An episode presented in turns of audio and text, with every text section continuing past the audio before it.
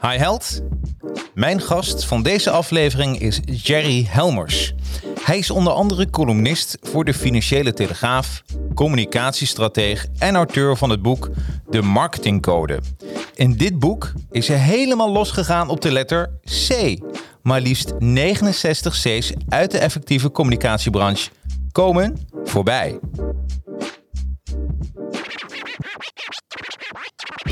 In deze aflevering hoor je meer over customer, culture around you, shoot spa, conference, channel, cause en case. Ben jij ZZP'er of werkzaam in de MKB? Dan word je helemaal blij van deze podcast, want juist voor deze doelgroep heeft Jerry dit boek geschreven. Mijn naam is Jacarino en je luistert naar de Jacarino's Advertising Heroes podcast. Here we go. Yeah, the advertising heroes. Let's go. Okay, the advertising heroes. Time for you to know. Help you get your name buzzing for the world. Time to show. Help create a market plan. Now it's time to get it rolling. Even offering you live and online courses. Yeah, yeah. Time to strategize. If you ready, let's begin. For your Instagram, Facebook, LinkedIn. Five years experience, the minimum. So they can help you step it up. Time to represent. Okay, can this ish crash? Knowledge is power. Advertising heroes, yeah, you know that they got ya. Time to take it higher, ready for whatever. Help your social media go to the next level. Uh, advertising heroes, and they ain't stopping. This ish crash? Knowledge is power. Advertising heroes, time for you to show it. Help you represent your brand. Time to be heroic, yeah. Advertising heroes, let's go. En welkom iedereen bij een nieuwe aflevering van de Advertising Heroes podcast livestream. Ja, iedere eh, zondag lees ik een boek, zaterdag, zondag en de vrijdag erop mag ik het bespreken met de auteur. Mensen vragen me wel eens, Jacques, waarom lees je al die boeken? Nou, ik heb een eh, reclamebureau, social media bureau, Advertising Heroes, 200 helden, ZZP'ers en eh, mensen die, en bedrijven die goed zijn in één ding. Die verzamelen bij elkaar. Dat doen we met Advertising Heroes, daar maken we hele gave campagnes mee. Daarnaast heb ik Academy. En uh, ja, daar maken we hele gave social media campagnes. En uh, dus je kan het zelf doen. Dat kan bij Academy of wij doen het voor je. Dat doen we bij Advertising Heroes. Ja, en marketing, daar ben ik, uh, dat is eigenlijk mijn, mijn wieg. zo, ben ik het ooit, zo ben ik ooit begonnen met het vak. En ja, wie kan er nou eigenlijk beter over praten? Wie is mijn gespreksheer van vandaag? Dat is Jerry Helmers. Welkom uh, Jerry. Nou, een hele goede middag. Ja, oh, leuk. Applaus. Ja, applaus erbij. Ja, dat krijgen we, er, krijgen we er gewoon helemaal bij. Hey, leuk, leuk dat je er bent. Je, eigenlijk kom je net binnenrennen. Ja, het is, uh, ik voel me echt een diva. Hè? Op het laatste moment binnenkomen. Ja? En ik dacht, zal ik in de uitzending zeggen, zeggen van... ik wist niet dat er zoveel auto's op de weg waren in het oosten van het land. Want dan klink ik wel heel erg randstedelijk. Ja, heel erg dan. Maar het was uh, een avontuur om hier te komen. En ik weet niet of dat komt door alle wateroverlast... dat iedereen zijn eigen weg aan het zoeken is over de weg. Ja.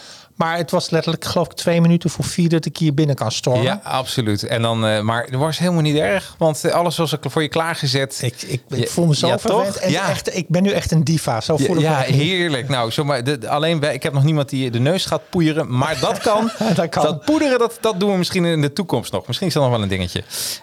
Um, ja, en een beetje rage week is het geweest. Nog steeds. Um, is het een rare week? Je bedoelt waarschijnlijk Peter R. de Vries Peter die is overleden. Ja. ja, dat is natuurlijk ook eigenlijk wel het eerste dat mij te binnen schiet. En ik merkte gisteren ook, want hij is gisteren is bekendgemaakt mm -hmm. dat hij is overleden.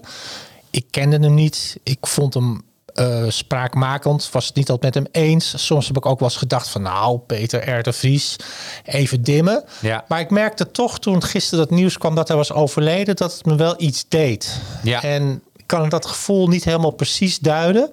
Maar het feit dat het me iets deed, zegt iets over Peter R. de Vries. En dat Ja. hij toch zeer betekenisvol is geweest voor onze samenleving.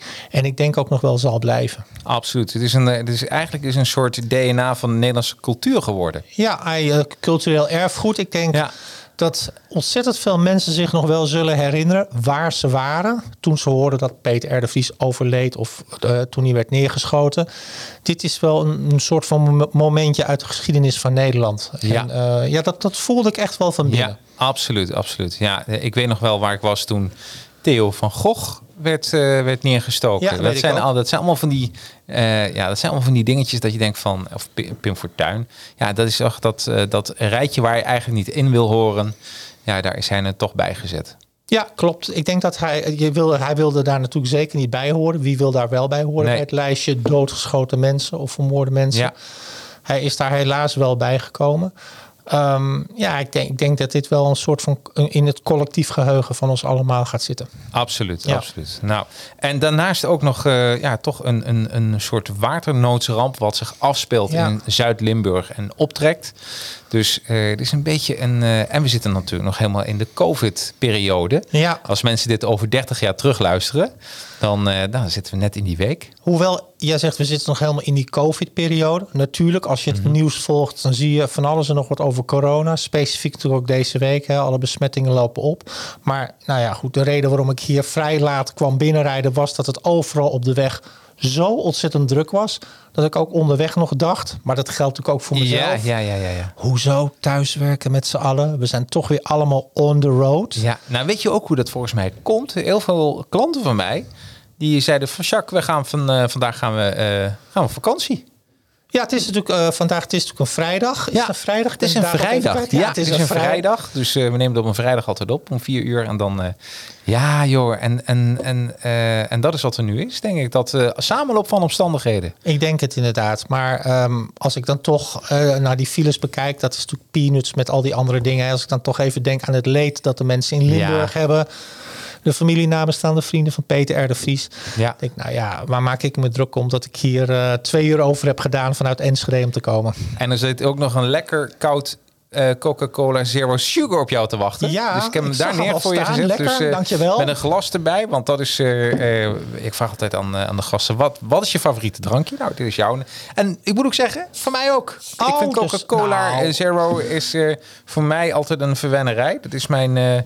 ik eh, probeer toch zo gezond mogelijk te leven, maar dit is toch waar ik niet zonder kan. Dus we hebben twee overeenkomsten. Marketing en Coca-Cola Ja Zero. precies, ja, precies. Nou, en ik weet zeker, na het gesprek kunnen we gewoon afvinken van, Afvinken. oh, dit is het ook. Wil je Ja. met me trouwen? Nee, maar dat weet je dus niet, hè? Nee, nee, dat weet je niet. We gaan het afwachten. We gaan het Eh, afwachten. een minuutje of 50 Dit is een cliffhanger. Dit is Ja. een cliffhanger. Dit is een Ja. cliffhanger. Hey, ehm, ik had eh, eh, natuurlijk zitten mensen ook, degene die je niet kennen, die paar mensen die jou niet kennen, Die paar mensen. die paar, hè, die paar mensen, Die enkeling. Ja, die Jerry Helmers. Eh, als ik met jou in een lift zou staan en we zouden een, eh, een en ik zou je vragen, god, wat doe je eigenlijk, Jerry? Wat, eh, wat zou jij dan in dat, in die zogenaamde elevator pitch zeggen? Dan zegt Jerry, Dan zeg ik... Ik ben Jerry Helmers. Ik ben Ja. een zeer gelukkig ondernemer. En ik hou me bezig met marketing. En ik hou me bezig met communicatie. Marketing doe ik vanuit Crown Media. Mhm. Mijn bureau dat is gevestigd in Battenverdorp. En ik help ondernemers in het MKB. Het middensegment van het MKB om beter en gestructureerde marketing te bereiken.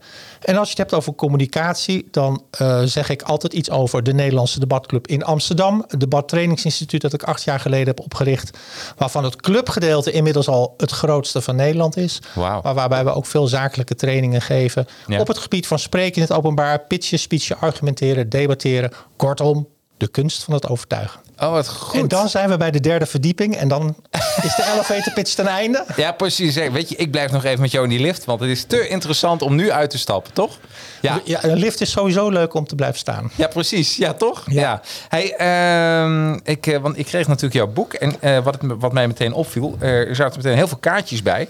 Vind ik ook wel even leuk, want ehm, je bent een blogboy. Ja. Dat is een van de labels producten van mijn bedrijf. Ja, ja, bl- blogboy.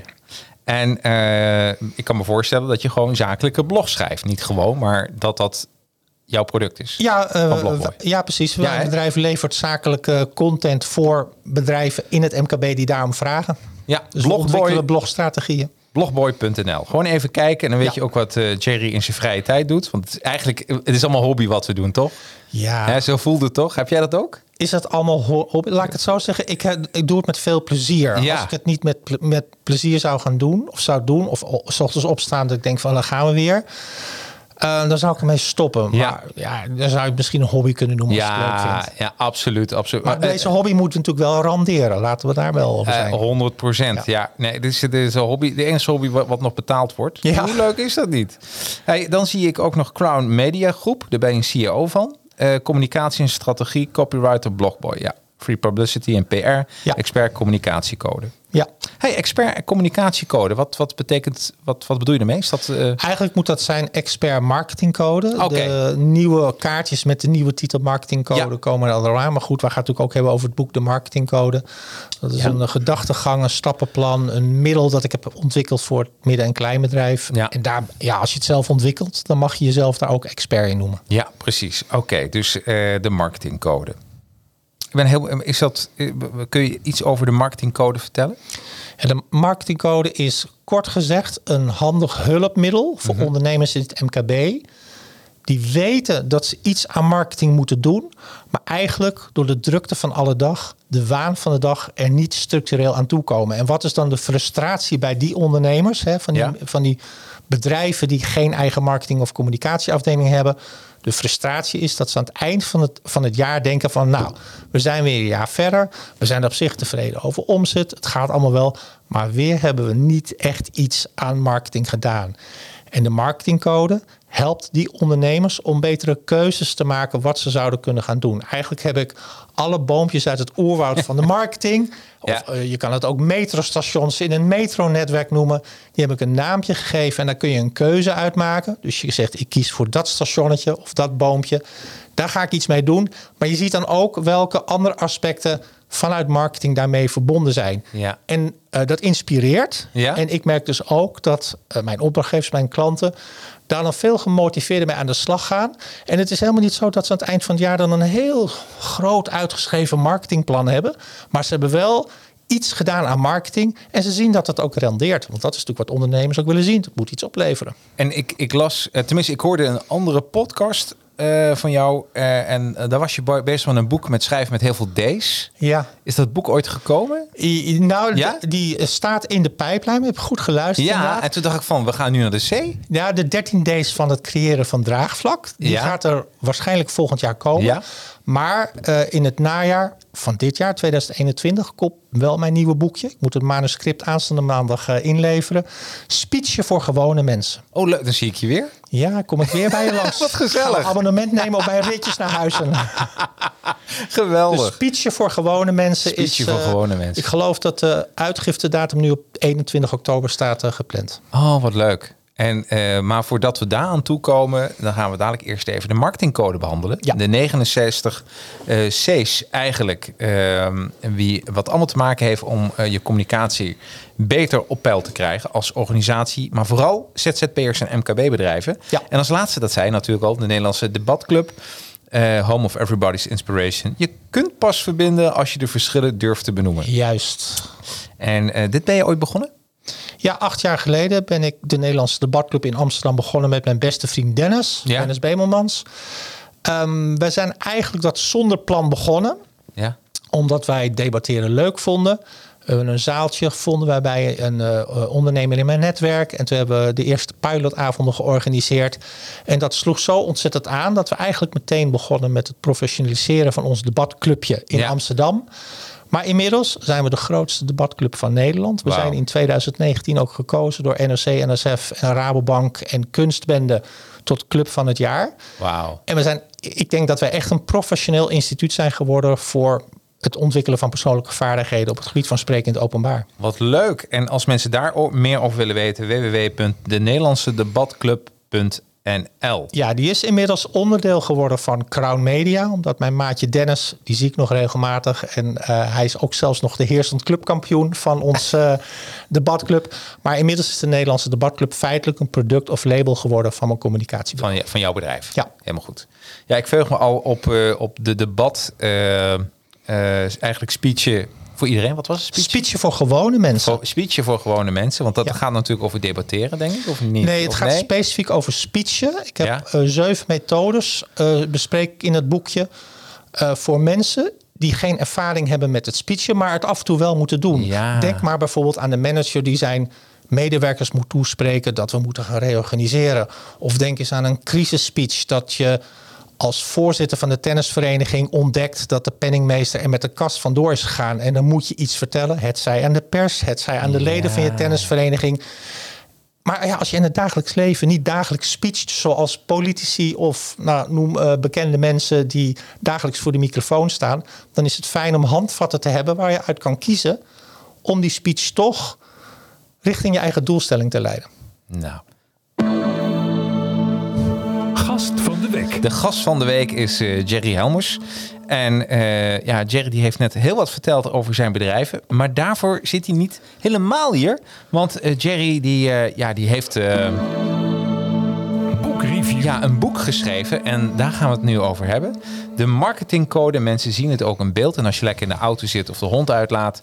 Dan het is een, een blauw boek met een ja, zo'n soort rood dingetje wat je hebt als je uh, uh, bij Google een, een, een, een, een kaart droppen. Hoe noem je zoiets eigenlijk? Weet je dat zo? Ja, dat is een goede vraag. Um, ik heb dat wel geweten hoe dat heet. Maar nu overval je me even. Maar het is inderdaad ja, zo, het rode, mensen, het rode precies. ballonnetje, de pinpoint. De pinpoint, als dus zo je noemen je punt hebt gevonden. Ja, ja de, met de pinpoint zet je bedrijf op de kaart met 69 praktische eye-openers voor MKB en ZZP. En... Uh, ik, uh, ik zei het eigenlijk al in, in de aankondiging, uh, als mensen de podcast luisteren of natuurlijk de aankondiging hebben gezien op LinkedIn. Wij hadden vroeger altijd een spelletje in de uh, achter in de auto en dan moesten alles zeggen met een A, met een B. En toen dacht ik van, nou, je hebt dat spelletje ook gedaan. Ja, ik las dat ook op jouw LinkedIn-post en toen dacht ik van, nou, dat ga ik meteen corrigeren als ik daar ben. Want toen ik een aantal. Ik weet ook nog het moment waarop ik dacht van ik, ik wil iets van een boekje gaan schrijven. Ja. Of ik wil iets van een methode gaan ontwikkelen waarmee ik het ondernemers makkelijker maak om, om, om structuur aan te brengen in hun marketing. Dus het is eigenlijk omgekeerd. Dus ik ben toen gaan bedenken van wat zijn nou de vragen die ik in de afgelopen jaren van ondernemers heb gehoord en waar heb ik ze mee geholpen. Dus dan ga je eerst op een, letterlijk op een bierveeltje, ga je een lijstje maken, dan ga je dat eens structureren. Ja. En toen ontdekte ik, die woorden beginnen allemaal met een C. Dus het is eigenlijk precies oh, omgekeerd gegaan. Zoals ja. jij stelde in jouw LinkedIn bericht. dus bij deze gecorrigeerd, beste volgers. Nou, dit is altijd een goede teaser, hè? Zoiets. Zo is dat. Toch? Hè? Ja. Maar, uh, uh, en uh, dat zijn er op zich 69 geworden. Ja.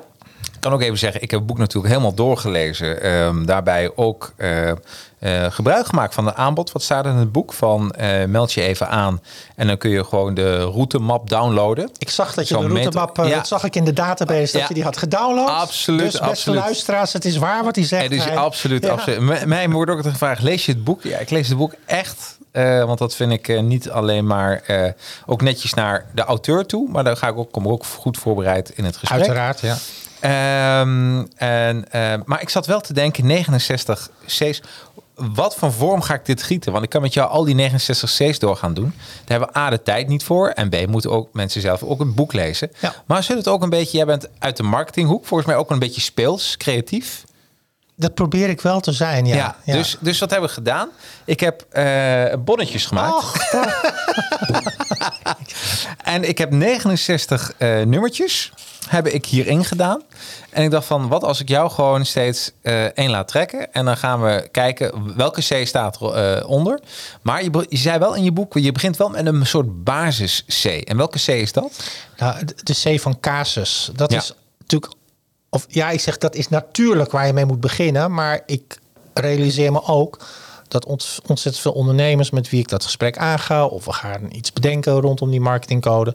dat ze zich niet realiseren dat je eerst goed moet bepalen wat jouw uitdaging is. Dus wat is jouw casus? Wat is de casus van jouw bedrijf? Wat is het probleem van jouw bedrijf? Ja. Of voor welke uitdaging sta je?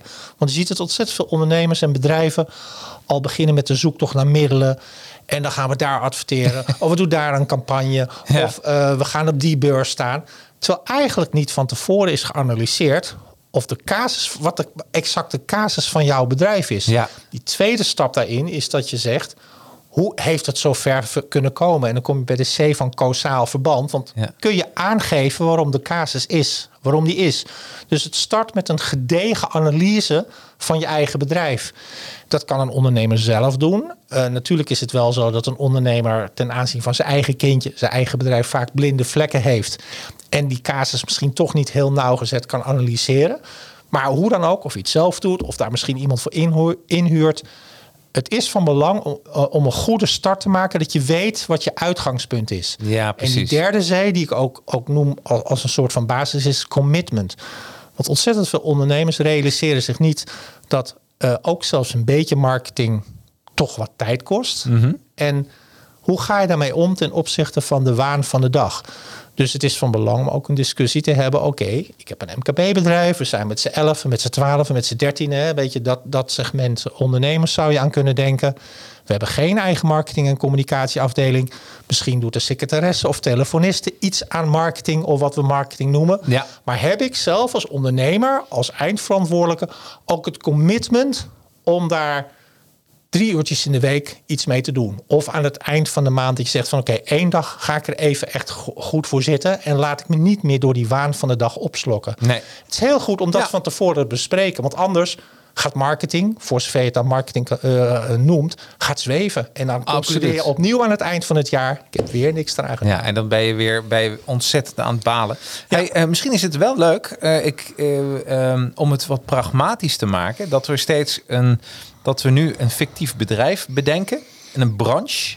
Ehm, kan een bakker zijn, kan een, een frisdrank, eh, misschien zelfs groter. Eh, maar waar zullen we voor gaan? Zullen we voor een schilder gaan? Zullen we voor een bakker? Voor een slager? Voor Nou. een stripboekenzaak? Een gamezaak? Ik noem maar wat hoor. Nou, ik zit gewoon natuurlijk even in jouw prachtige studio rond te kijken. Ja. En je prachtige greenscreens hier staan. Nou weet ik natuurlijk helemaal niet of ik dat mag verraden naar de Ja, kijkers. tuurlijk, dat tuurlijk mag dat. tussen de Absoluut, dat weten mijn kijkers wel. Zullen Ja. we een, ehm, eh, het schiet me nu dan ter plekke er binnen, een fabrikant van greenscreens? Ja, een fabrikant van greenscreens. Dan beginnen we daarmee. En eh, dus die krijgt nu gratis advies. Hè? Ergens op de wereld. Ja, ja. Hè? Dus eh, eh, laat even weten of je dadelijk hierna ook meer greenscreens verkoopt. Dat vind ik natuurlijk ook wel leuk Ja, om te weten. ja, ja, Eh, de casus van greenscreen. De casus van een greenscreen, nou ja, dat, dan beredeneer je natuurlijk vanuit het bedrijf zelf. Dus je gaat toch niet vanuit het product beredeneren. Maar de casus zou kunnen zijn, hoe kan het toch dat we maar niet groeien? We halen wel omzet, maar er zit geen structurele, structurele groei in. Hoe komt dat? Ja. dat? Dat zou de uitdaging kunnen zijn of de zoektocht naar het antwoord op die vraag. En moet je voorstellen, ik kan me voorstellen die bedrijf dan eh, eh, allemaal doeken heeft, allemaal groene doeken. En die denkt van, we hebben echt meters, eh, een pakhuizen vol groene doeken. Waarom wordt het gewoon niet verkocht? Ja, precies. Ja, oké. Dus dat is, dat is een mooie de casus. En, en dan, dan kwam nog wat daarna. Nou na de ja, je kan casus. zeggen, als je door zou gaan vragen van hoe komt het nou dat je niet verkoopt, Ja. ga je op zoek naar een causaal verband. Dan kan je zeggen van eh, hebben we, eh, zijn onze eh, greenscreens zijn die misschien te hoog in prijs ten opzichte of zijn die hoger in prijs ten opzichte van concurrenten? Ja. Eh, hebben we onze materialen wel bij de juiste persoon ingekocht? Ehm, hebben wij wel goede verkopers in dienst? Ja. Nemen we de telefoon op de juiste manier wel op? Gaan we wel op een goede manier om met leads? Je kan alles bedenken Ja. binnen jouw eigen kader wat de oorzaak zou kunnen zijn van wat jouw casus is. Nou, leuk, want eerlijk, ik weet best wel wat van greenscreens. En dat komt omdat ik eh, heel veel soorten greenscreens heb. Dus ik, die, daar vind ik heel blij met dit onderwerp wat jij gekozen hebt. Ja, ik vrees wel dat jij meer weet van greenscreens Ja, maar jij weet precies. Nee, maar zo kunnen we een beetje eh, Ja, ja, ja. eh, eh, verifiëren. Oké, dan gaan we nu ja, een soort gezellig loodje trekken. Kan ik erbij? Ja, ja. Oh, ik gooi meteen de helft ja dat was de C van casus. Symbolisch heel slecht. Dat zou toch leuk zijn als ik nu de C van Kaas... Ja, of ja. had je er al niet in gedaan? Ja, ja, wel. Ja, nee, ik heb alles erin gedaan. Oh, 37. Jij hebt ze genummerd. Ja, ik heb ze genummerd. Eh, en dan gaan we even bij het boek erbij. 69 C's.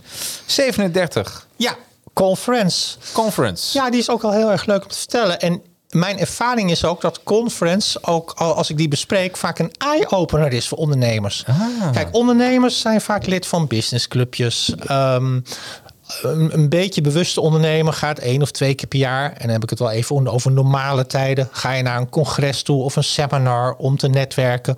Of om te luisteren naar een inspirerende keynote speaker. Om Ja. er ook weer van te leren. Maar er zijn ook een heleboel ondernemers die zeggen: Ja, er zijn helemaal geen leuke events bij mij in de branche of voor mij relevant. En dan zeg ik dus met conference: organiseer het zelf. Oh. Dus als jij zelf een congres of conferentie organiseert, en dat hoeft helemaal niet, je hoeft je helemaal niet meteen de hele RAI in Amsterdam voor af te huren of, of Ahoy op vast te leggen. Maar je kunt zelf ook je eigen congres organiseren. Ja, Ja. dat kost tijd, dat kost moeite, het kost ongetwijfeld ook eh, wat geld. Maar dat kun je allemaal eh, budgetteren, berekenen. Hoe ga je het doen? Je kunt het zo groot maken als je zelf wil. Maar waar het hem nu in zit, het organiseren van de Seven Conference of, of een congres Ja. is niet het doel. Het is het middel om je eigen marketing naar een hoger niveau te brengen. Want als jij je eigen keynote speaker bent, met mensen in de zaal en je gooit er een livestream of wat dan ook tegenaan, dan groei jij zelf voor wat betreft je credibility, je geloofwaardigheid. Ja. Je, eh, je, je bent een organisator van een congres, dus je komt op een hoger niveau te staan.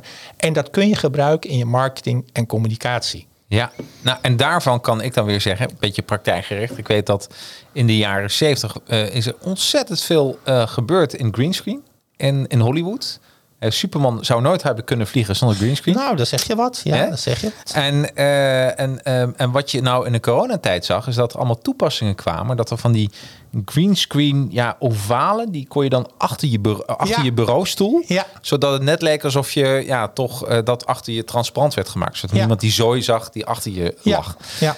En eh, dus echt van, is van Hollywood helemaal getransporteerd naar, eh, naar nu, naar ZZP, MKB. Eh, iedereen kan ermee werken.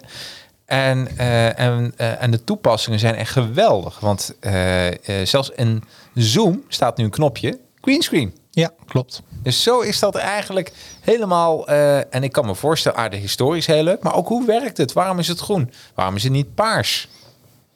Klopt. Van, hè, van, eh, Ja, maar eh, dit zijn dus zaken die je op een. eh dat doet even afhankelijk van voor wie je zo'n congres organiseert. Ja. Stel dat je het voor particulieren zou organiseren. Ja. Ja. Even in aansluiting op wat je nu vertelt. Dan zou je dus op zo'n congres of seminar voor particulieren. zou je dit soort dingen ontzettend leuk kunnen vertellen en Absoluut. laten zien. Eh, en daarmee jezelf dus ook als deskundige profileren. Ja, ja, nee, absoluut. En Lightning, hoe zit, maar ook ZZP en MKB. Want ZZP, dat zijn echt mensen die eh, gaan zoomen. Ja. Hè? En die zeggen van, oké, hoe, hoe werkt dat precies? Nou, eh, wat is dan voor jou een goed artikel? En voor MKB-bedrijven, ja, is, wat wil je? Wil je misschien een wekelijkse podcast? Hè? Bij Zoals, wijze van. kun je dan ook de, de kleur van je wanden meteen groen verven? En wat komt erbij kijken? Dus ik denk nu al dat het een succes wordt. We gaan het adviseren aan dit eh, fictieve greenscreen bedrijf dat we hebben bedacht. Ja, en je zou kunnen samenwerken met partners. Tuurlijk, uiteraard. Eh, dat is overigens ook eh, de C van competition of Precies. cooperation. Eh, want je kunt natuurlijk ook met de concurrentie samenwerken. Je kunt het op alle mogelijke manieren insteken. Maar ehm, het is altijd van belang om erbij na te denken dat dat congres of die conferentie niet het doel is. Het is Nee. uiteindelijk het middel om je eigen bedrijf, je eigen producten, je eigen dienstverlening, Precies. je eigen beeldvorming naar een hoger niveau te brengen. Ja, ja. Kijk, en als ik daar toch een bruggetje in kan maken, ik neem aan dat ik zo nog een papiertje Ja, pakken absoluut, nummertje. absoluut. Dan noem ik bijvoorbeeld toch de C van Classroom. ja. Ehm, enerzijds los je een maatschappelijk probleem op, want de constatering is dat er een gat is tussen onderwijs en bedrijfsleven. Het sluit niet aan. Daar hoor je heel veel geklaagd binnen het MKB over. Dus je kunt ook zeggen als MKB'er, ik ga eens kijken of ik één dag in de week of misschien één dag in de maand eens een keer een gastles kan geven of ergens voor de klas eh, kan staan. Daarmee eh, doe je ook aan arbeidsmarktcommunicatie. Ja. Want als jij potentieel talent in de klas eh, ziet zitten, dus vooral voor die IT-branche zou ik dat organise- eh, eh, adviseren. Dan eh, ben je meteen, kun je meteen op een positieve manier werven. Oh, wat leuk. Maar het feit dat je voor de klas staat, is uiteindelijk ook niet het doel, maar het middel om aan de buitenwereld te laten zien van jongens, luister eens.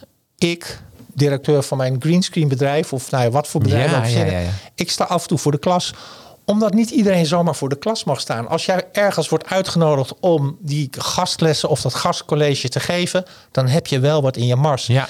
En ik ken best wel veel ondernemers die dat best regelmatig doen. Ja. Zo her en der een gastlesje ge- gegeven, maar ze communiceren er helemaal niet over. Raar, je, ja, dat is eigenlijk heel raar. Ja. En eh, het is een, eigenlijk een hele simpele eye-opener voor zo'n ondernemer. Van ja, maar ik moet dat gewoon eens wat meer vertellen. Of in Ja. een blogje laten. Of al is het maar een eh, selfie dat je neemt in de klas met toestemming van de leerlingen. Van ik sta nu eh, voor de klas op de Hogeschool van Amsterdam. Nou, noem het maar op of wat dan ook. Ja. Ehm, het, heeft alleen, het is een mooi middel om jouw marketing en communicatie naar een hoger niveau te brengen. Ja. Want als jouw concurrent niet voor de klas mag staan, dan heb jij dus iets in huis qua kennis, qua expertise, wat, waar, waar, waar je je concurrent dus mee kunt verslaan. Ja. Nou, en dus zo heb ik het boek trouwens ook gelezen. Dus, en dus, ik zie het als een inspiratieboek. Nou, dat is goed om te horen. Toch? Dat is wel de bedoeling. Ja. Want het- ik geloof niet dat dit boek van A tot Z gelezen hoeft te worden. Je kunt echt bladeren. Je pikt iets op van wat Nou, spreekt ik, me ik, aan. Ik denk dat mensen dit kunnen doen, wat wij nu doen. Gewoon een bol maken met allemaal nummertjes. En dan zeggen we, oké, we gaan eh, brainstormen. Trek maar een nummertje. En dat gaan we doen. Ja, ja en dat gaan we doen. Of de, eh, eh, vinden we dat? Wat? We, zoiets. Dus, ja, eh, je kunt op die manier, alle mogelijke manieren kun je ehm, het in ieder geval met jezelf en met je medewerkers op over marketing hebben. Van hoe Ja. gaan we het aanpakken? Of pak een, zat ik ook aan te denken, maar dat ding hadden we niet, zo'n bingo. Lotto bedoel je? Zo'n Zo'n lotto. lotto-apparaat met met balnummers. 69 balnummertjes. Ja, Ja. ja, waarom niet? Dat, mooie, mooie brug naar de volgende. Dan ben ik benieuwd wat ik er nu uit ga halen natuurlijk. Ik pak er toch eentje van onderop. Ja. Hier hebben we hem. Appa. En de winnaar is. ja, ik kan het nu eh mezelf makkelijk maken, want het is natuurlijk of zes of negen. Oh ja, ik zou voor 9 gaan. Mijn kennende is dat een 9. Even kijken. Ik, ja, ik heb probeer overal een streepje onder te zetten, maar ja, dan ben ik zo lekker bezig. De negen, ja, die hebben we natuurlijk eigenlijk al een beetje besproken aan het begin, Ja, want daar gaat het om de zoektocht in je, ik noem het toch maar even een bedrijfskundige analyse bij de start. Eh, je weet je casus, of die heb je zo ongeveer gedefinieerd. Ja. Ehm, maar hoe is het nou zo ver gekomen? Dus je bent op zoek naar oorzakelijke verbanden. Ja, Dat is, eh, dus ja, we hebben die eigenlijk al die besproken. wij, wij hebben we al besproken. En Dus wat, dat zou, is. en eh, wat zou zes zijn geweest als ik hem toch oh, dat is heel leuk. Ja, precies. Twee vliegen in één klap. Nou, het is ongelooflijk. Oké. Beste Kees. Ja. Nou, deze Dat wisten we ook is niet. ten einde. hè. We kunnen afsluiten. Dat was, de, dat was leuk. Iedereen bedankt voor het luisteren en tot de volgende week. Ja, Ja, nee, we gaan nog even door natuurlijk. Even kijken. Ja, of ik moet gewoon niet zoveel praten. Hè? Want hoe meer ik praat, des te groter de kans is dat de C's de revue eh, Nee, passeren. dat is heerlijk. Ja, en welke Ja, is dit? Ik, ik heb eh, nummer 18 heb Nummer ik er, 18. uitgehaald. Ja, Chutzpah. Een volwassen ding. Chutzpah. ja, Die, Chutzpah. die is heel erg leuk. Wa- kun je er wat over die naam vertellen, Chutzpah? Nou, Chutzpah is Joods voor godspe. Godspe. Nou, we kennen allemaal wel, hoop ik, eh, het woord godspe. Wat een godspe is het? Wat is het verschrikkelijk? Ja. En Chutzpah staat in deze marketingcode voor van... Durf jij wat brutaler te zijn dan de rest? Durf jij ehm, letterlijk buiten de lijntjes te kleuren? Of niet eens buiten de lijntjes te kleuren, maar compleet iets anders buiten de lijntjes te doen. Dus durf jij, mag ik het zeggen, een beetje een grote bek te hebben? Ja. Durf jij ook controversieel te zijn? Durf je, nou, als we het toch hebben over Peter R. de Vries, die Ja. was natuurlijk in zekere zin controversieel. Hij was spraakmakend. Hij had een opvallende mening en hij schroomde niet om zijn mening te communiceren. Dat is sowieso iets wat we altijd moeten blijven waarderen. Ja. Maar dat terzijde. Ja.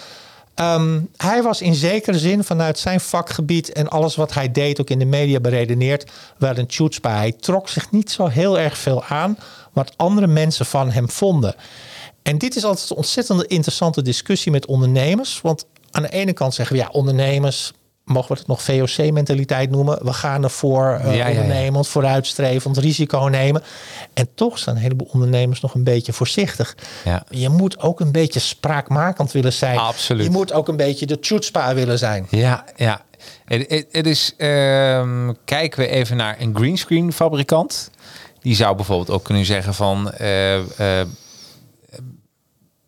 nou, ik kan me voorstellen dat je, dat je eh, eh, een comité gaat beginnen... in plaats van een rode kerst, van nu af aan een groene kerst. Ja. Zoiets. Of dat je ook naar adult filmindustrie die greenscreen levert. Nou ja, dat moet ik heel eerlijk zeggen. Het zijn wel twee mannen, één gedachte. Ik dacht ook iets van... eh, als je een beetje chutzpah wil zijn... Daarom zou ik dat gewoon doen. sex cells. Wa- Wat heb jij ooit met Crown Media gedaan? Wat, waarvan je eigenlijk zegt, nou, dat was, dat, dat was wel, die past in deze categorie. Ja, ik zou dan... Crown Media is natuurlijk de naam van mijn bedrijf. Maar Ja. ik koppel het dan toch meer aan mijzelf als persoon. Eh, de naam Jerry Helmers. Ik kreeg op een gegeven moment de kans. Ik ben er kort geleden overigens mee gestopt. Maar eh, het is inmiddels al elf jaar geleden kreeg ik de kans om een column voor de Telegraaf te schrijven. Ik heb Ja. er 270 geschreven. Ik ben toevallig een aantal weken geleden mee gestopt. Maar toen dacht ik wel van, ga ik dat wel of niet doen? Want Ah. de Telegraaf is natuurlijk wel een krant waar veel mensen het ook niet mee eens zijn. Nee. Omdat de krant wat rechtser is. Afijn, je kent de discussie wel. Ik neem aan dat je luisteraars die discussies of die polarisatie ook wel kennen. Absoluut. Dus ik heb toen wel even nagedacht van wil ik dat? Want hè, als ik één keer in de twee weken een column voor de Telegraaf ga schrijven, dan gaat dat ook iets over mij zeggen of er gaat een bepaalde beeldvorming over mij ontstaan. Maar ik heb toen ook besloten dat ga ik wel doen. En ik kreeg van de Telegraaf ook met mijn columns die ik schreef over ondernemerschap, marketing, communicatie, management, nou ja, allemaal dat soort zaken, financiële zaken, economie, kreeg ik behoorlijk de vrije hand om te zeggen wat ik wilde. Dat is natuurlijk ook de kern van een column. En een mooi groot publiek. Ja, een behoorlijk Oeh, breed publiek. ja, precies. Eh, veel reacties ook altijd. En ondanks, ik moest natuurlijk in 2010 was dat ook leren of voelen hoe schrijf ik nou een column voor zo'n eh, groot medium. Dus da- daar moest ik wel in groeien. Maar Ja. ik ontdekte op een gegeven moment wel dat het fantastisch is om soms met een gestrekte been erin te gaan. En eigenlijk is dat het antwoord op je vraag. Hè? Wat heb je dan gedaan? Ja. Of waar kun je aan refereren in je eigen ondernemerschap of Crown Media of onder de naam van Jerry Helmers? Dat was natuurlijk wel iets van waar ik in zekere zin natuurlijk ook een beetje risico mee nam. Want Ja. als ik een, ergens een prospect sp- sprak of een lead kreeg en ze kwamen erachter dat ik voor die verschrikkelijke telegraaf een column schreef.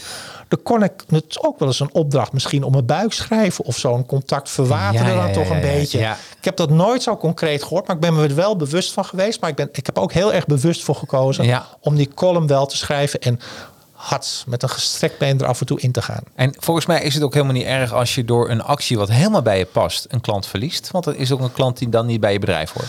Ik, ja, zo zou je dat kunnen zeggen. Eh, en ik heb daar toevallig gisteravond ook nog een discussie of een gesprek over gehad. Eh, iemand sprak mij aan om mijn Twitter-gedrag. Nou, ik laat op Twitter ook mijn mening duidelijk horen. Nou, daar kan je het mee eens zijn of niet mee eens zijn. Maar gisteren zei we, ja, ze de helft van Nederland is boos op je. En mijn antwoord was toen van, nou, de andere helft is het dan niet. Of die Nee, is het precies. eens. Precies. En ik ben al lang blij als ik een heel klein beetje van die andere helft van Nederland kan verleiden om misschien met mij zaken te doen. Dus het gaat, dat is nog steeds prima. Nou, en ik geloof ook helemaal niet dat dat, dat heel erg is. Ik, ik, ik, ik, ik denk dat, dat eh, je bent ondernemer geworden om een reden.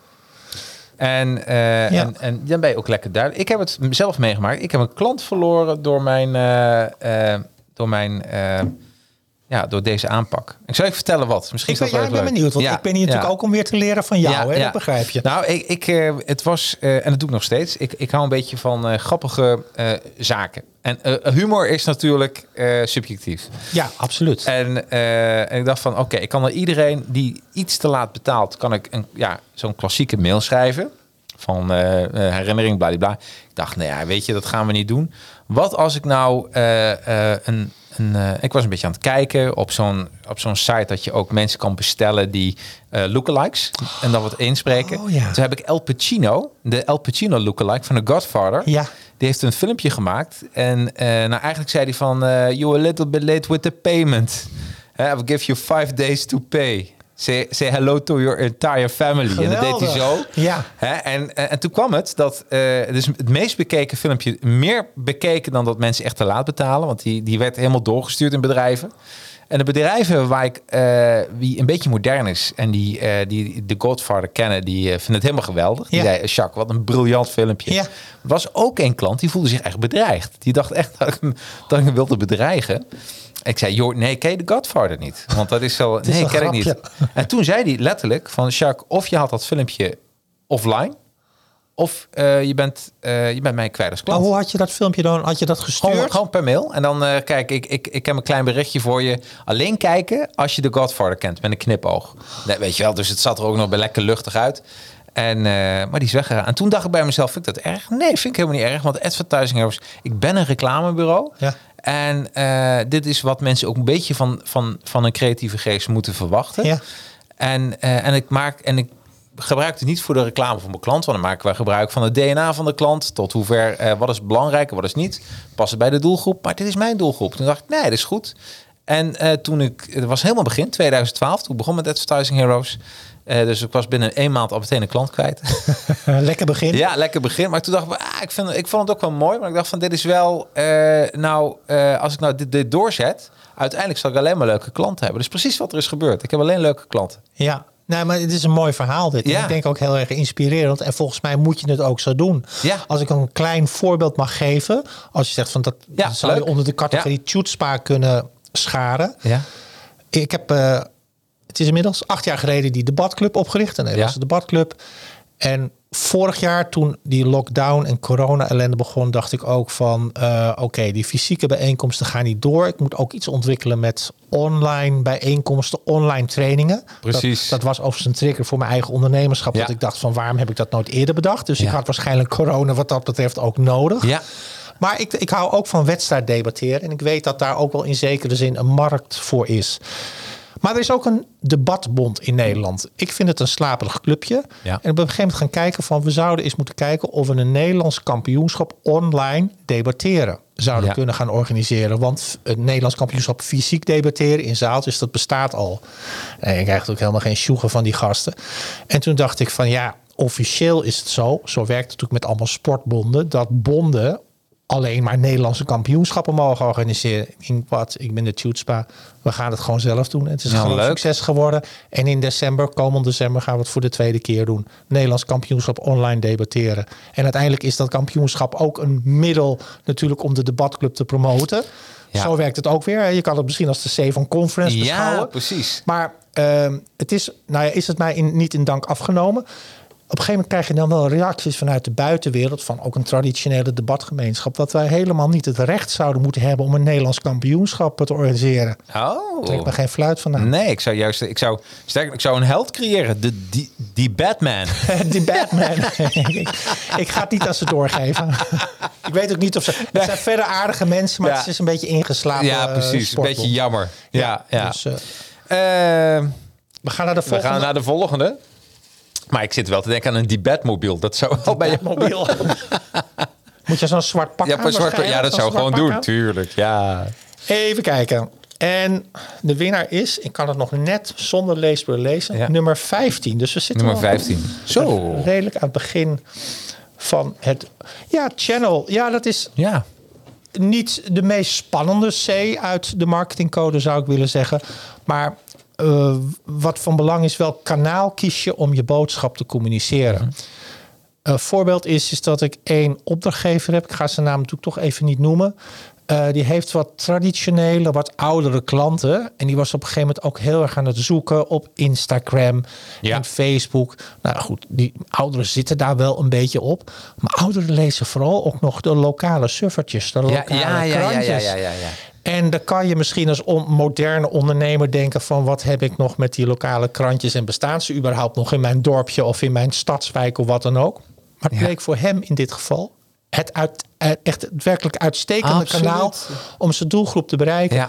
Dus die C van Channel staat eigenlijk gewoon voor, weet je dat er ontzettend veel kanalen zijn waarop je je boodschap kunt communiceren. Ja. En daar nou, lever ik wat ideeën voor aan, eh, maar je hoeft echt niet elk kanaal te kiezen. dit, vind ik, dit vind ik dus ook heel grappig. Eh, Je hebt een soort populair gezegde dat je maar op één social media kanaal zichtbaar moet zijn. ja. En daar ben ik niet mee eens. Ik zal ook vertellen waarom. Eh, greenscreen, mooi voorbeeld. Ja. Moet je voorstellen dat je een greenscreen maakt voor ZZP'ers. ja. Nou, dan is Facebook, Instagram is perfect ervoor. Ik dat denk, kan. kut ook, Hè? ja. Dan kun je lekker adverteren en dan eh, kun je er funnel van maken. Maar laat zeggen dat je ook voor eh, ja, wat echte business-to-business, grote bedrijven, MKB fotostudio's, dat je complete wanden kan aanleveren. Dan zou ik daarvoor, voor dat product eh, of dienst, zou ik dan LinkedIn meer gebruiken. Ja. Dus eh, eh, ik ben altijd voor, eh, als je differentieert op basis van je producten, diensten, dat je dan niet zozeer kijkt naar je onderneming, maar eh, wie koopt dit product of dienst en daar je kanaal voor uitzoeken. Ja, maar dit is, dit is goed, laten we zeggen. Ja. We zitten hier in deze studio, de twee marketinggoeroes van Nederland. dit is voor ons misschien vrij logisch. Ja. Maar ik ben ervan overtuigd dat onder jouw luisteraars er al minstens één of twee Ja, mensen daarom. die zeggen. Ja, Oh, zo, ja. zo. Nou, maar, en, en- dat voel, dat voel ik ook echt als mijn taak. Noem het Ja. mijn passie. En Gewoon, hè, daarom ben ik ondernemer geworden. Mijn heldendom. Daarom wilde ik ondernemer worden. En daarom vind ik het zo gaaf om die ondernemers te helpen. Want ik zeg eerlijk, soms denk ik wel eens... Hè, even, god, snap je dit niet? Weet je dit niet? Nee, maar soms weten mensen Nee, maar ik kan me dat voorstellen. Kijk, eh, eh, eh, wij weten veel af van dit vak. Maar als je mij wat gaat vragen over de gemiddelde zaken wat in praxis verkrijgbaar is, dan. dan joh, eh, mijn, mijn, mijn vriendin thuis die, die, die zorgt voor de boordjes en die, die timmert. Bij wijze van. Nou, we hebben weer een overeenkomst. Want ik timmer Nee, zaag nee. ook helemaal nee, helemaal niet. Ik heb zelfs laatst heb ik zo'n eh, monteur, dat volgens mij heette dat Sofi, heb ik laten Ja? komen om Ja. een heel eenvoudig IKEA tafeltje, eh, tafeltje bij mij. eh, dat ik heb ook een studiootje ben ik aan het bouwen. Ja. Om dat Oh, op vrijdagavond nog in, me- in elkaar te timmeren. Slim. En ook fijn dat je dan die mensen inhuurt daarvoor. Want dan doe je alleen maar wat je leuk vindt. Ja, Dat- dat uiteindelijk wel, ja. Ja, en Maar zij ik- doen ook. Ja, maar ik weet ook als ik het zelf ga doen, dat, het, dat dan ben ik negen weken bezig met zo'n klein rottafeltje. Heb ik ook. Dus echt, eh, ik, sterker nog, ah, ik hou zelfs bij Ikea hou ik nog dingen over. En, eh, en dan ben ik bijna klaar. En dan kom ik er echt achter dat ik op, op de kop heb gebouwd. Oh, ja. Dan moet ik alles weer lostrekken. Ja, dus, herkenbaar. eh, dus de- dit is... tafeltje bij mij ook verkeerd om Absoluut. eh, gedaan. Nee, maar dat is, ik, ik snap dan dat zo'n timmerman of klusjesman, dat hij dan, die heeft bij mij dat ding in 10 minuten in elkaar gezet. Daar betaal je dan ook nog 85 euro voor. Maar Ja. dat heb je er dan ook nog voor over. Ja. Maar dat hij dan stapt hij in zijn busje of in zijn auto. Die denkt, nou, dat is die mensen die het zelf kunnen. Maar ja, Het is hetzelfde gevoel. ja hetzelfde, gevoel. Absoluut. maar En- dat is prima. Dat ja, is prima. Ja, dus eh, eh, wij hebben dat op andere fronten inderdaad. Zo is dat. Ehm, de volgende. De volgende. Nou, Oh, dit zijn een heleboel in één. Of niet? Nee, dit is er toch eentje. is er eentje? Ja. Oh ja, dat was, eh, toen was ik nog heel schuin met En papier. met leesbril 65. 65. 65. Nou, we gaan maken naar echt een leap, hè? Een sprong. Nou, inderdaad. Ja, de culture, dat is de culture around you. Ja. Ehm, ik vind het van belang dat de ondernemer ook weet wat er in de wereld speelt. En nou, laat ik zo zeggen, je ziet wel topsporters op televisie. Of die zitten dan maar zijn talkshow aan tafel. En er zijn natuurlijk ook andere onderwerpen die worden besproken. En je ziet dan heel vaak topsporters zeggen van ja, ik hou me er niet zo bezig of ik volg de politiek niet. Nee, je kan natuurlijk niemand ver- verplichten om alles te volgen wat er gaande is. Maar een beetje algemene kennis van Ja. wat er in de wereld aan de hand is, is best handig. Want Ja. ik ben ervan overtuigd dat als je de wereld een beetje begrijpt, als je het een beetje kunt duiden, Mhm. dat je daardoor ook beter kunt ondernemen. En dat je dus ook betere keuzes kunt maken in hoe je jouw eigen boodschap communiceert. Ja. Of wat je wel of wat je niet zegt. Of waar je wel of waar je niet op inspeelt. Dus het is heel erg cultuurgebonden. Ook voor ondernemers die naar het buitenland gaan.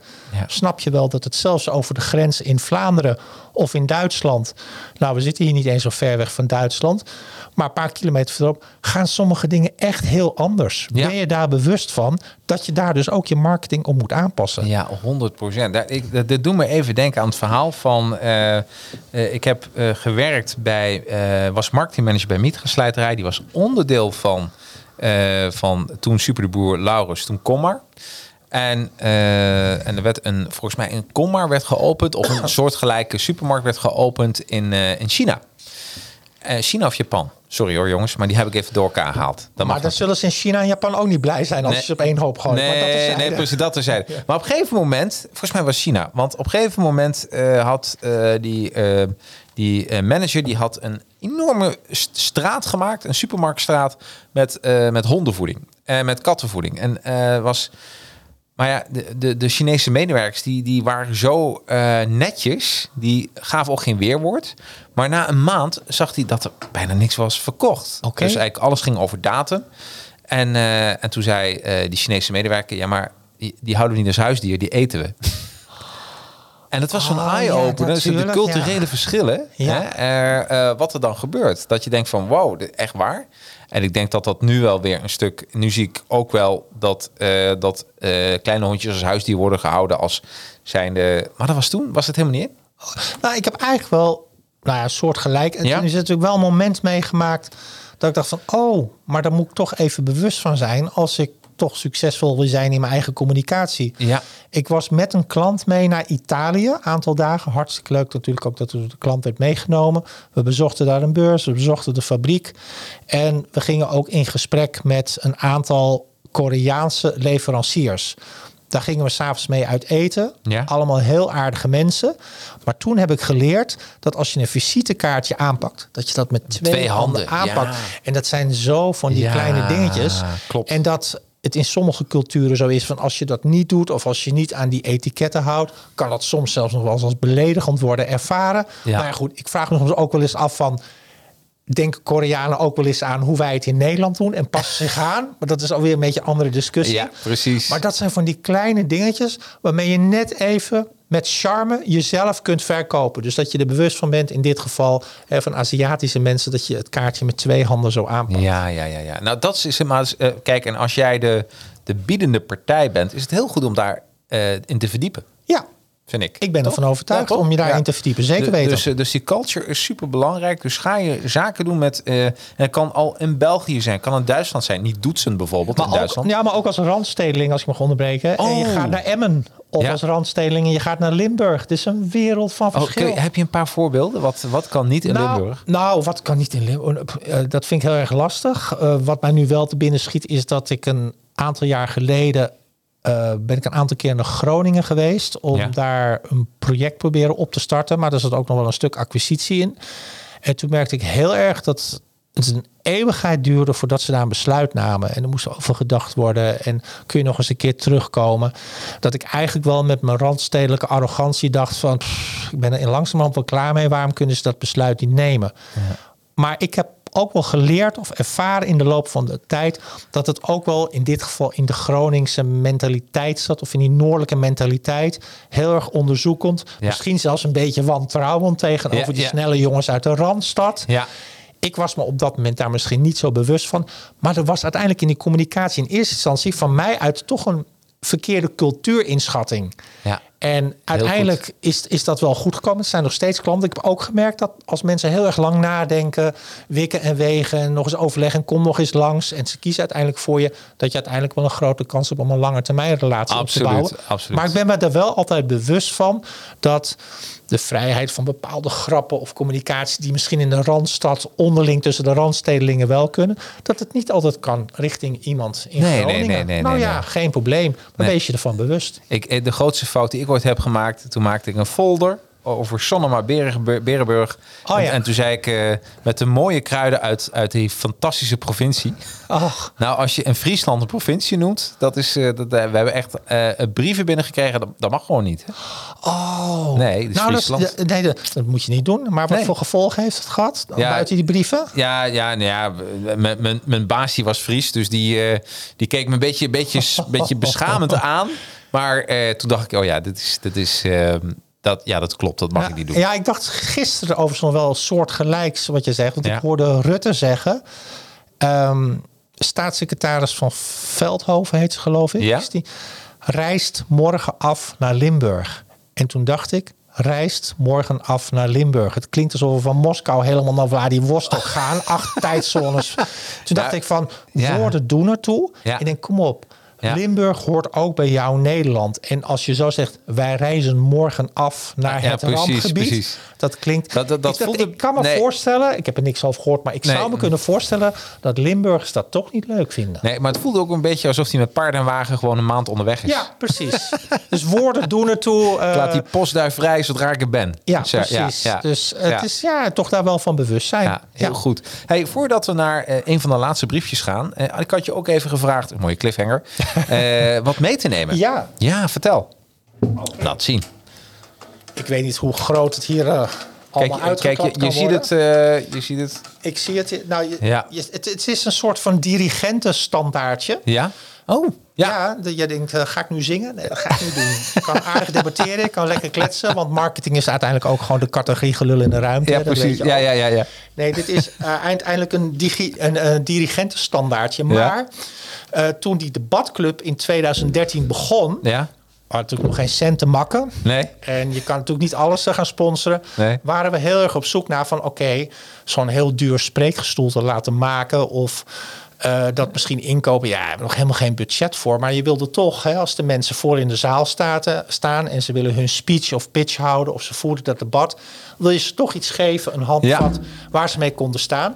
Dus dit werd de eer, het eerste spreekgestoelde van onze debatclub. En ik kan hem hier even niet helemaal uitklappen. Nee, maar er zitten pootjes onder. Er zitten pootjes onder. En dan kun je- je op hoogte en laagte Oh, zetten. En toen dacht ik van die ga ik meenemen. Ja.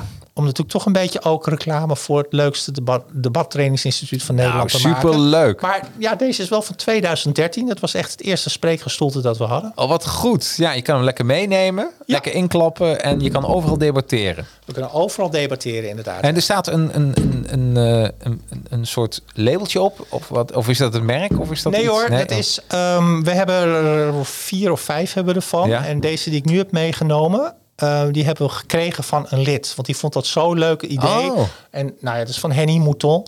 Eh denk, neem ik die mee, waar het eh, labeltje op Oh, zit. wat leuk zeg. Dus er zit ook een soort van persoonlijke waarde nog in. En dat heeft hij toen aan ons geschonken, volgens mij, toen onze club 100 dagen bestond. Nou, dus eh, eh, allemaal nog even kijken op de website natuurlijk van www.denederlandse-debatclub.nl. Heb je binnenkort weer iets leuks? Nou, we zitten nu in een soort van zomerreces. Ja. We hebben vorige week maandag hebben we onze Sizzling and Surprising Season Finish georganiseerd. Kon eindelijk weer in ons zalencomplex in Amsterdam-Zeeburg. Nu is het zomervakantie en het nieuwe seizoen gaat weer beginnen op 6 september. En dan een heel programma tot en met volgend jaar zomer. Oh, leuk. Inclusief webinars, eh, nieuwe workshops.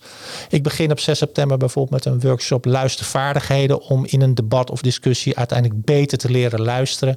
En daardoor betere vragen te kunnen stellen. En uiteindelijk misschien zelfs tot betere oplossingen te kunnen komen. Maar in ieder geval het hele programma staat er inmiddels op tot en met eh, zomer volgend jaar. En vooral hopen dat eh, Rutte en de jongen met hun lockdowns eh, niet opnieuw roet in het eten gooien. Ja, precies. En, en dat het Delta-virus allemaal een beetje weer meevalt. En dat, eh, dat veel mensen lekker geprikt worden. Want dat betekent gewoon dat, we- dat we weer wat meer mogen doen, denk ik dan. Ja, maar ik, ik, ik ben nog niet geprikt. Nee? Dus ik, hoop Oh. niet, ik hoop niet dat je boos op me wordt. Nee, ik ben, ik ben nooit boos. Nee, absoluut niet. En daarbij is het ook zo. Ja, ik, heb, ik ben wel geprikt, maar dat komt ook door de auteur die ik een paar weken geleden had. De race om het coronavirus. Hans van der Loo. Die heeft een mooi boek erover geschreven. En die zei, Pfizer is het Mercedes eigenlijk van al die eh, vaccinatie. Heeft onderzoek naar gedaan.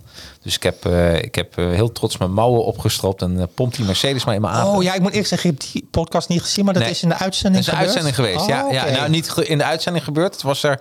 Eh, eh, je moet voorstellen, zondag lees ik het boek. En zondag zat ik dus eh, te wachten totdat eh, tot ik mijn prikje kreeg. De laatste pagina's heb ik gelezen op het stoeltje. Want je moet 15 minuten na de hand Ja, blijven klopt. zitten dat je niet, Ja. van het, Ja. dat je niet neervalt. Nou, dat heb ik dus gedaan. Ik heb dat boek gelezen en dacht dat was mooi. En die vrijdag erop had ik met Hans van der Loo dat gesprek. Oh, oké. Maar super, ik echt een aanrader. Je wordt echt, ik, hij heeft mij dingen verteld daarover over die vaccinaties, wat ik helemaal niet wist. Dus super interessant. Oké, nou Ja. dan ga ik met deze leestip straks ook weer Ja, eh, precies. verkeer in. Ja, toch? Heerlijk. ja, ja. Hey, eh, ja, en, eh, een van de laatste briefjes alweer. Op zakje. 67. 67. Nou, hoe doe ik het, hè? Hoe doe oh, nou, hoe doe jij het? Want jij, jij eh, selecteert natuurlijk die briefjes. Nou, die is op zich wel leuk. Ik weet niet of dit het laatste briefje is dat je mij wilde, eh, uit, uit eh, de port wilde laten halen. Ja. Maar uiteindelijk, dit is de C van customer. Ja, nou, dit En is... het is best, natuurlijk best wel een belangrijke C. Ja, Ehm, want wat mij opvalt is dat veel ondernemers eigenlijk nog niet precies weten wie hun klant is. Hè? Dus als je een ondernemer vraagt, Ja. er staan nu mensen aan het luisteren of ze zien het op een gegeven moment terug. Kun je nou eens vijf kenmerken geven van die al jouw klanten altijd hebben? Dat is best moeilijk. Mhm. Ja. Maar het is wel interessant om daar eens over na te denken. Want als jij vijf of zeven of tien overeenkomstige kenmerken ontdekt van al jouw klanten, dan kun je daar ongetwijfeld iets mee in je marketing en communicatie. ja, absoluut. En de klant, nou ja, ik wil niet wilde zeggen, die is niet alleen koning, maar die bepaalt uiteindelijk wel het succes van jouw eh, toekomstige bedrijfsgroei. Ja. Dus het is heel erg belangrijk om die kennis te hebben. En je ziet ja, helaas nog te vaak dat ondernemers die doen maar, hè, als we toch even terugkomen op dat fictieve bedrijf van Ja. die greenscreens.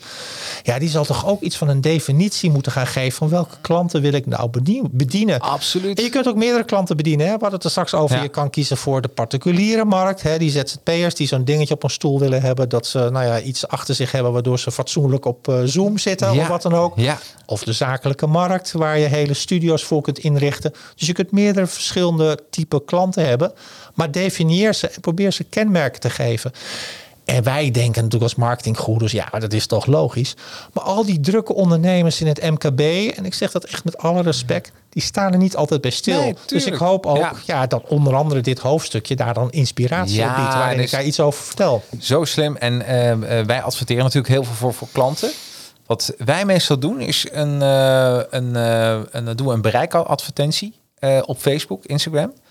En wat heel grappig is, dan weten we meteen wie er klikken op de advertenties. Ja, precies. En zo kun je, soms kun je, als je nog geen idee hebt voor je doelgroep, maakt niet uit. Als je product maar hebt, eh, als je dat dan eh, online laat zien en de mensen die erop klikken, nou, voor je weet heb je een profiel te pakken. Klopt. Ik doe exact hetzelfde Oh, met leuk. Instagram Ja. stories eh, op het account van de Nederlandse debatclub. Ja. Daar zetten we af en toe een story neer of een plaatje of een verwijzing naar een post of wat dan ook. Ja.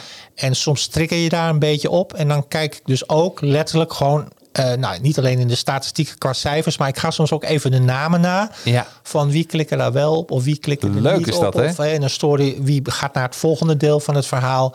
En dan krijg je een beetje gevoel bij van bij wie slaat dit aan en, en wie niet. En het is ontzettend leuk om daarmee bezig te zijn. Ja, en, en Facebook dus ook mooi. Die maakt dan een, ehm, tenminste daar opdracht toe geeft, een vergelijkbare doelgroep. Ja. Dus degene die al heeft geklikt. Ja. Nou, de- en dan, en dan eh, op een gegeven moment, ik heb wel eens eh, gehad met producten dat ik totaal geen idee had wie de doelgroep was, maar er werd wel flink gekocht. Want Ja. het werd allemaal organisch, eh, tenminste via advertising be- bepaald.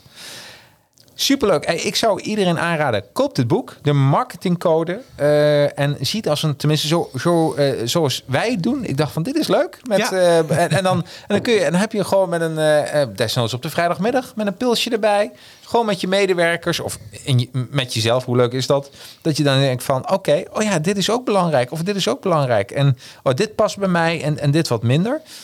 En, eh, Ja, want nogmaals, het is niet een boek dat je van A tot Z hoeft te Nee. lezen. Het is een Eh, ik- inspiratieboek. Ik, ik, omschrijf het ook als een boek met 69 hoofdstukjes die je elk binnen een minuut uit hebt. Ja. En dan heb je wat handvatten, inspiratie, handigheidjes om mee aan de slag te gaan. Of in ieder geval over na te denken. Ja, of 's ochtends, ook heel lekker. Als je even, even zit met een kopje koffie. Dan, want hey, jij hebt inderdaad met een minuutje heb je zo'n hoofdstukje wel uit. Hè, makkelijk. En dan ga je erover nadenken. Dan ga je kijken en dan schrijf je één minuut lezen en vijf minuten even wat dingen voor jezelf opschrijven. En je dag begint gewoon super. Ja, Dus ik zou gewoon, eh, ja, ik zou hem gewoon beginnen ook lekker in de ochtend met jouw boek. wat een ambassadeur ben jij voor de marketingcode, zeg. Dankjewel. Ja, ja nee, absoluut. Ja. Goede ideeën moet je altijd ondersteunen. Eh, en als laatste kan men ook het downloaden, is gratis, een soort routenet. En eh, dat kan men uitprinten. Ja.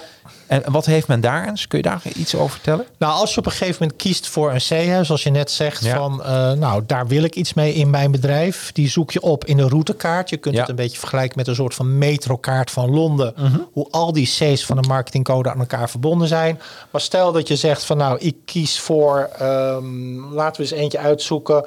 eh, congeniality. Dus hoe eh, creëer je de gunfactor? Daar wil je iets mee. Maar dan zie je dat congeniality is verbonden met consultancy. En dat consultancy dus ook een middel is om de gunfactor te creëren. Dus het zijn C's die met elkaar zijn verbonden. Dus je gaat op die manier de structuur aanbrengen in je marketing. Je begint met een C. Je ziet door die routekaart, door al die lijntjes die erop staan. Wat is het volgende stationnetje? En denk je van oké, dat kan dus de volgende stap in mijn werkzaamheden zijn. Wauw. Nou, en, Ik vond het ook wel een wauw, goed bedacht. ja, het is, is echt supergoed. Ja, leuk Mag man. ik daar nog wel wat één dingetje op zeggen? Ik ja, heb tuurlijk. geen idee hoe we in de tijd Nee, zitten. maar kijk, we zitten heel mooi. Ik wil toch, ik bedoel, ik ga niet mijn groet aan mijn moeder en mijn vader doen of zo, maar ehm, dit heb ik op een gegeven moment ontwikkeld. En ik heb Ja. dat natuurlijk zelf amateuristisch uitgetekend, want ik ben geen designer. Ja. Maar ik wil toch even studio Stefan Timmers uit Berkel en Roderijs bedanken, die dit op een prachtige wijze heeft gevisualiseerd met al mijn input. En de naam was Studio? studio Stefan Timmers uit Berkel en Roderijs. Nou, hier, Ja, deze, is, deze is voor jullie. dit is voor jullie. Dit is jullie eh, figuurlijke gebak gewoon. precies, Hè, Laat inderdaad. het heerlijk smaken in je oren. Ja, precies. Hè, nee, helemaal goed. Ben ik wat vergeten? Nee, je bent volgens mij niets vergeten. Ik vond het hartstikke leuk om een aantal C's met jou te bespreken. Ik vond het ook toch spannend, want uiteindelijk ligt er bij mij een uitdaging om de C die ik uit het potje trek, maar meteen goed uit te leggen. Maar is Ja, maar dat deed je hartstikke goed. Ach, ik moet in ieder geval mijn eigen product toch wel een beetje Het is, kennen. hij- het is alsof je het zelf geschreven zou Het is hebben. alsof Dus, ik eh, het zelf- Nee, ik vond het hartstikke leuk. Eh, leuk gesprek. Je hebt volgens mij niets vergeten te vragen. En anders kom ik gewoon nog een keertje terug. Helemaal goed. Altijd welkom, Jerry. Eh, koop dit boek gewoon. Ik zet hem ook bij mij op de, op de website met een linkje naar managementboek.nl. Ja. En, eh, en dan, eh voor je weet, dan heb je het boekje thuis. En lekker iedere ochtend even een half minuutje, of wanneer je maar wil, eh minuutje, minuutje. En dan schrijf voor jezelf even een paar punten op. En dit zijn dingen daar hou ik van. Lekker pragmatisch werken en je begint een dag vol met inspiratie. En geloof mij, dat maakt het verschil. Eh, nogmaals bedankt. Graag gedaan, dankjewel. Jij ook bedankt. En eh, tot volgende week. Dan gaan we een aantal boeken behandelen. Wat je mee kan nemen in je vakantiekoffertje. Hoe leuk is dat? Hoi! Wil je meer gesprekken luisteren met auteurs van populaire marketing, management of zelfontwikkelingsboeken? Scroll dan door de aflevering van deze podcast. Ik heb al heel wat top 10 boeken met de desbetreffende auteurs mogen bespreken. En meer weten hoe ik deze kennis zelf in de praktijk breng? Connect dan met mij via LinkedIn. Zoek op Chacarino en connect. Zet erbij dat je mijn podcast hebt geluisterd en ik zal je connectieverzoek accepteren. Nou, bedankt voor het luisteren van deze podcast en tot de volgende.